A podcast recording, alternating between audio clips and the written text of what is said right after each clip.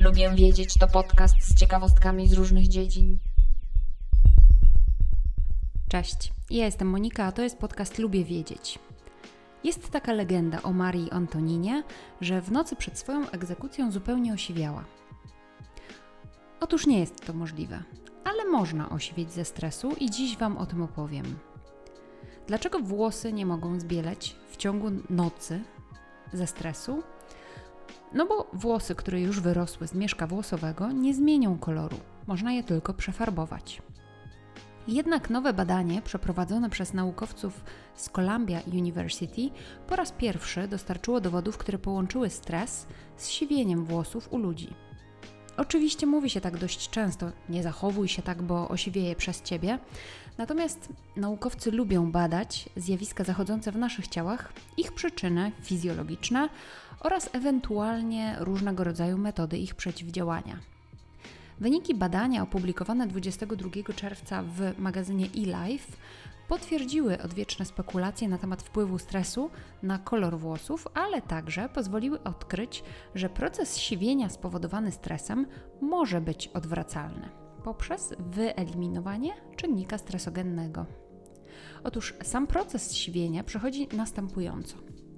Mieszki włosowe mają komórki pigmentowe, które wytwarzają melaninę, substancję chemiczną nadającą włosom kolor. Z wiekiem komórki te zaczynają umierać.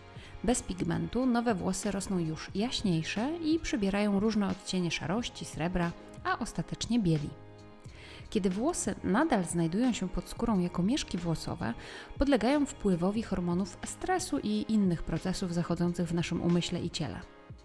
Kiedy włosy wyrosną już ze skóry głowy, twardnieją i trwale krystalizują się w stabilną formę.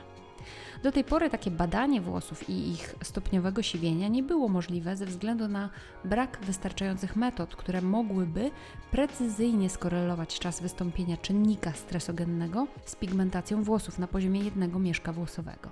Poprzez dzielenie włosów w celu zaobserwowania zmian w ich pigmentacji, autorka badania i studentka Ayelet Rosenberg opracowała nową metodę robienia bardzo szczegółowych zdjęć maleńkich plastrów ludzkich włosów w celu ilościowego określenia stopnia utraty pigmentu, czyli siwienia w każdym z nich. Każdy taki plasterek ma szerokość około 1,20 mm i reprezentuje mniej więcej godzinę wzrostu włosów.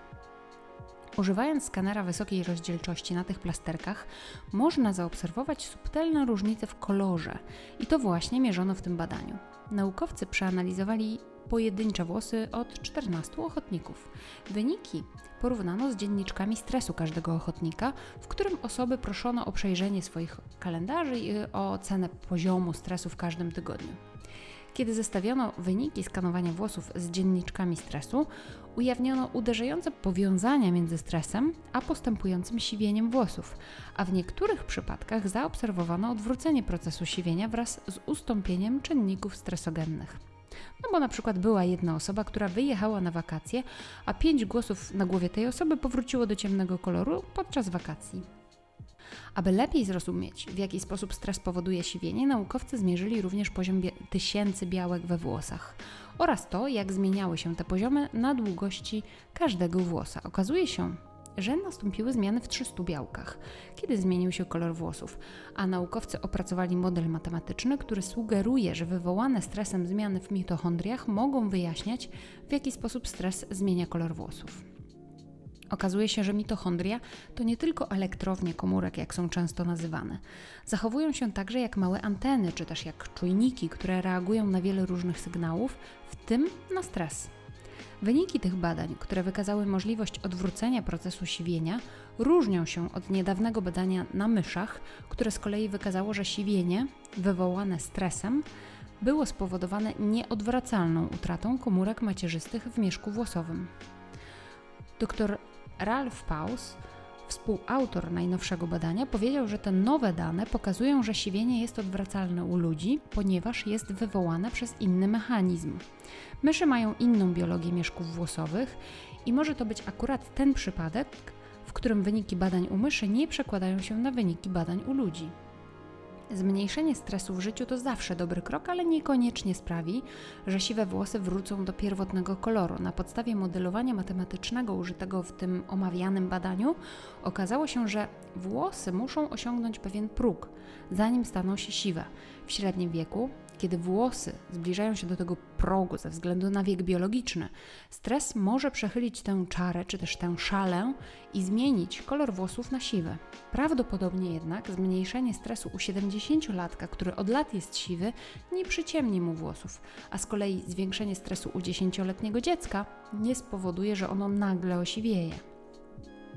Kończąc już ten odcinek, przypominam, że siwienie to nic złego. Jest to naturalny proces w życiu, a wiele osób uczyniło ze, z takich siwych włosów swoją cechę charakterystyczną.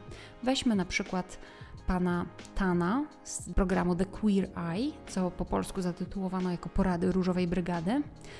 Weźmy na przykład taką pisarkę jak Susan Zontag, aktora Steve'a Martina, aktorkę Judy Dench, Glenn Close czy też Helen Mirren. Więc jeśli tylko macie dość farbowania, to przestańcie i osiwiejcie sobie. To nie jest takie straszne i mówię to z własnego doświadczenia. Dziękuję za wysłuchanie dzisiejszego odcinka podcastu Lubię Wiedzieć. Subskrybujcie i dzielcie się z innymi, bo taki szeptany marketing bardzo pomaga i z góry za niego dziękuję. Zapraszam na Instagrama Lubię Wiedzieć, gdzie dzielę się innymi ciekawostkami. Mam też Instagrama oddzielnie zajmującego się książkami, które czytam. Zapraszam na konto Fiszkowa Kartoteka. Do usłyszenia, cześć!